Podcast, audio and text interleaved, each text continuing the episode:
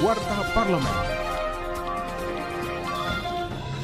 Bersama saya Doda Vinci Zakti, inilah Warta Parlemen. Anggota Komisi 3 DPR RI Taufik Basari meminta Polri meningkatkan peran SDM Bayangkara Pembina Keamanan dan Ketertiban Masyarakat atau Babinkan Tipnas menekan angka kriminalitas. Hal tersebut disampaikannya dalam kunjungan kerja ke Mapolda Lampung.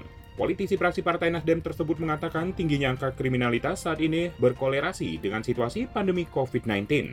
Warta Parlemen.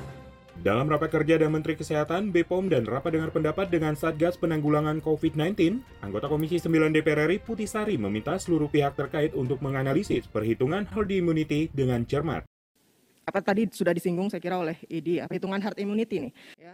Kita kan pakai platform vaksin yang berbeda-beda ya. Memang uh, efikasinya juga berbeda. Artinya 208 juta uh, itu basis dari perhitungan herd immunity yang juga harus menyertakan efikasi dari masing-masing vaksin. Nah, tapi kan kalau kita dengan platform menggunakan vaksin dengan platform yang berbeda-beda, ini seperti apa hitungannya ya? Mungkin harus ada analisis lebih uh, lanjut terkait dengan hal ini.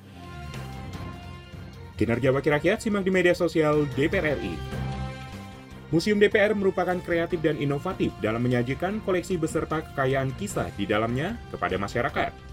Hal ini disampaikan Wakil Ketua BKSAP DPR RI Putu Supat Marudana yang juga Ketua Asosiasi Museum Indonesia atau AMI saat membuka pameran daring Museum DPR RI. Politisi praksi Partai Demokrat ini menekankan tantangan bagi setiap pengelola museum agar setiap kegiatan menarik perhatian publik. Pameran daring Museum DPR kali ini mengusung tema Komite Nasional Indonesia Pusat atau KNIP, Mukadimah Parlemen Indonesia. Televisi Radio Parlemen. Demikian Warta Parlemen, Produksi TV dan Radio Parlemen, Biro Pemberitaan Parlemen, Sekjen DPR RI.